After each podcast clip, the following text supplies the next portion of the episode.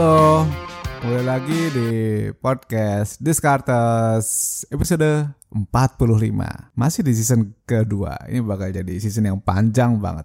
Dan di season ini, di episode 45 gue akan angkat judul Kenapa ROE penting saat beli saham Oke buat teman-teman yang baru join ke podcast Diskartes, ini adalah podcast tentang keuangan, investasi, ekonomi, dan bisnis. Di season kedua, gue akan challenge, gue akan kulik ide-ide yang ada di buku ataupun orang-orang yang ada di sekitar kita semua. Tentu ditambahkan dengan ide dari gue sendiri.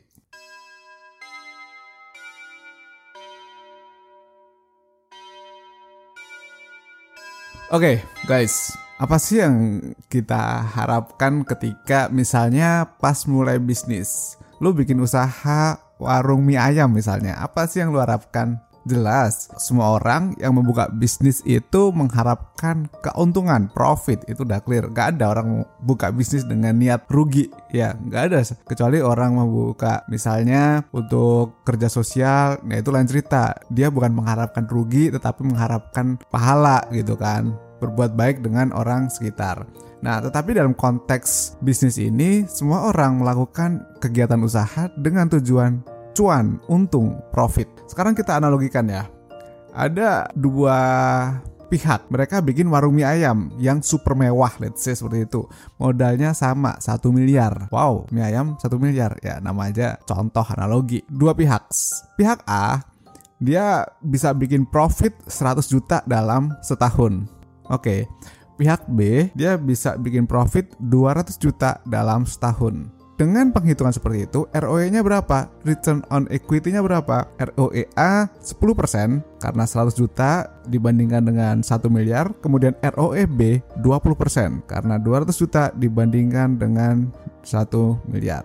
Pilih yang mana? Guys, untuk kali ini kalian harus bawa catatan ya. Pilih B jelas karena dia menghasilkan profit yang lebih gede. Nah, sesimpel itu untuk pemahaman dasar kita dulu ya. Terus kenapa sih ROE jadi salah satu indikator penting? Kita bisa bicara penting dan tidak, masuk akal dan tidak, mau kita gunakan atau tidak ketika melihat rasio ini dari sisi formulanya seperti yang tadi kita contohkan dan kalian bisa melihat ROE ini di berbagai tools saham macam-macam mau buatan Indonesia atau buatan luar negeri ada ROE ini. ROE itu dari cerita yang tadi gue kasih di analogi itu sebenarnya ngasih kayak gambaran bagaimana bisnis berkembang. Gue suka melogikakan dari rumus ya kan. Rumus si return on equity ini kan net profit dibandingkan dengan shareholder equity. Keuntungan dibandingkan dengan modal yang ditanamkan.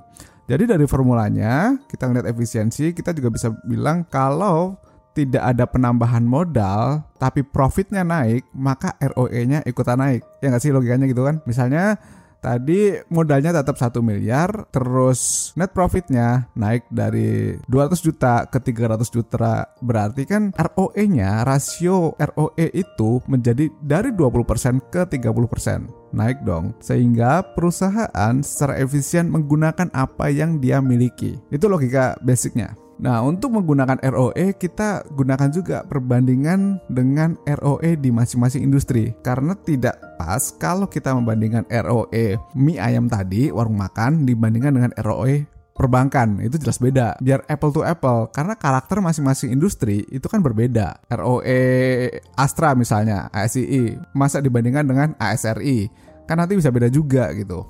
Properti dan otomotif. Tapi pas kita ngitung juga harus hati-hati Misalnya kalau tahun lalu ROE-nya 10%, terus tahun ini naik jadi 12%, nah kamu harus lihat kenapa bisa naik. Karena seandainya profitnya sama, tetapi debt-nya ikut naik, yang bikin equity-nya turun, ROE juga ikutan naik kan. Jadi kalian coba bayangkan sebuah balance sheet. Ini agak sedikit tricky kalau kita bicara di podcast, bukan di YouTube misalnya.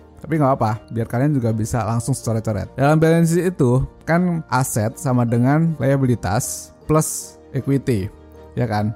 Nah, ketika utangnya naik, berarti seandainya asetnya sama, equity-nya berarti turun, ya kan? Kemudian, kalau dimasukkan ke dalam formula, ketika equity turun, berarti ROE-nya akan ikutan naik. Nah, kamu harus hati-hati dengan kondisi seperti ini. Jadi kayak insting detektifnya buat mencari tahu apa sih yang terjadi dan apa yang harus dilakukan gitu. Perlu kamu tahu juga, ROE bisa saja mengalami penurunan kalau perusahaan melakukan aksi buyback. Misalnya dengan asumsi profit profit tetap ya faktor pembaginya mengecil, tapi ini ya tidak selalu sebenarnya. Makanya mengetahui apa yang terjadi di balik sebuah rasio sekali lagi menjadi penting untuk dilakukan. Semuanya itu harus diketahui. Kenapa rasio ini muncul? Apa sebabnya? Bagaimana ceritanya? Jadi nggak semata-mata cuman angka doang. Terus ngomong-ngomong kalau soal buyback itu sebenarnya bisa jadi sinyal kalau perusahaan mereka merasa bahwa perusahaan ini lebih bagus daripada yang diperkirakan oleh market. So, perusahaan lakuin buyback. Tetapi itu dalam kondisi perusahaan harus yakin bahwa sahamnya sedang under value gitu ya. Oke, kita masuk ke contoh beberapa perusahaan. Kalau ngelihat sekilas, kita nggak bisa bilang bahwa perusahaan A bagus karena ROE tinggi atau sebaliknya. Tapi di sini gue mau sharing aja sekilas mengulik ROE beberapa perusahaan. Sekali lagi gue nggak ngepom-pom, cuma ngetes karena sambil lihat-lihat juga. Misalnya ya, UNVR Unilever selama lima tahun terakhir ROE-nya di atas 100. Terus apakah performa sahamnya istimewa? Ternyata dalam tempo yang sama dia bergerak cenderung sideways. So teman-teman alien mesti kulik lagi penyebab selain ROE ini. Terus kita lihat saham kedua yang big cap aja. Ini contoh ada hmm, BBRI. ROE mengalami penurunan selama 10 tahun terakhir, tapi masih di atas 15%. Gimana dengan performa sahamnya? Ternyata saham BBRI dalam tren naik ketika kita menggunakan time frame 5 tahun, ya kan? Jadi meskipun ROE-nya mengalami penurunan, harga saham BRI mengalami kenaikan. Kemudian contoh terakhir nih, contoh ketiga. Kita lihat uh, saham yang jadi incaran banyak orang, BBCA deh, yang jadi salah satu saham favorit selama beberapa tahun terakhir. Well, si BBCA mengalami kenaikan 150% dalam 5 tahun. Itu kenaikan saham. Bagaimana dengan ROE-nya? Ternyata BBCA memang selalu berada di atas 15% dalam 5 tahun terakhir, tetapi trennya itu sama dengan BBRI, mengalami penurunan. Terus apa yang bisa kita simpulkan? Nah, sebenarnya kita akan merasa sangat prematur kalau menyimpulkan hanya dengan ROE tadi. Makanya gue nunjukin beberapa contoh untuk ditelisik lebih dalam. Tapi penggunaan ROE menjadi salah satu screening kita.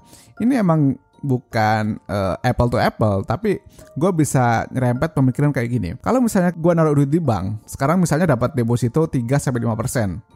Kemudian gue pengen bisnis nih. Nah karena bisnis lebih berisiko daripada duit, naruh duit di uh, deposito, maka paling enggak ya gue ngarepin perusahaan bisa kerja ngasilin duit balik ke gue gitu kan, ngasilin profit yang lebih tinggi gitu kan. Jadi mungkin ini kemungkinan gue akan cari perusahaan-perusahaan yang bisa ngasih lebih tinggi dibandingkan dengan deposito yang 3 sampai 5% tadi. Misalnya dua kali lipat, benchmark 10% dari equity yang gue kasih bisa seperti itu.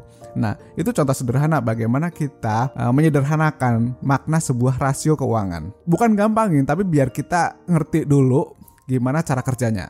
Nah, selain ROE ada juga ROA, return on asset, dan alat ukur analisis lainnya. Terus gimana penjelasannya? Well, sampai jumpa lagi di podcast Discartes episode selanjutnya. Thank you and bye-bye.